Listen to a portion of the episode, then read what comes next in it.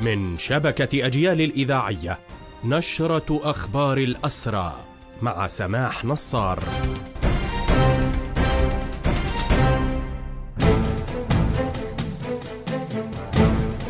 أهلا ومرحبا بكم إلى هذا اللقاء. خمسة آلاف وتسعمائة وثلاثون مواطنا تم اعتقالهم منذ السابع من أكتوبر. حملة اعتقالات الليلة الماضية وحتى صباح اليوم الاثنين طالت على الأقل 55 مواطنا من الضفة بينهم سيدة وطفلان وأسرى سابقون.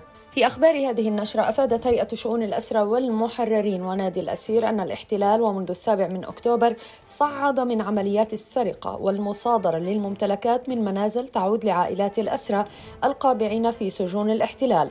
شملت أموالا وذهب والهواتف وأجهزة الحاسوب والسيارات إلى جانب عمليات التخريب والتدمير الواسعة التي أحدثتها داخل المنازل التي تقتحمها.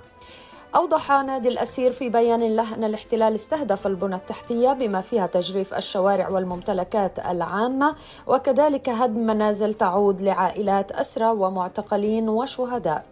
وفي هذا الصدد أشارت هيئة شؤون الأسرى والمحررين إلى أن أكثر المناطق التي سجلت فيها مصادرة وسرقات بعد محافظة القدس التي تشهد هذه السياسة بشكل دائم كانت محافظة الخليل وذلك منذ السابع من أكتوبر. بهذا مستمعينا تنتهي هذه النشرة الخاصة بأخبار الحركة الأسيرة قدمناها لحضراتكم من راديو أجيال.